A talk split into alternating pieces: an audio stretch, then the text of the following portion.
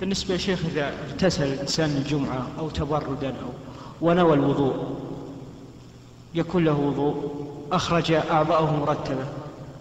إيه ما ما في يعني غسل الأعضاء مرتبة هو غسل ما يخالف، واغتسل لكن, لكن غسل الأعضاء مرتبة لا أخرجها مرتبة إيش معنى أخرجه مرتبة؟ يعني أخرج وجهه ثم أخرج يعني هو غامس في الماء؟ هو تحت الدش مثلا طيب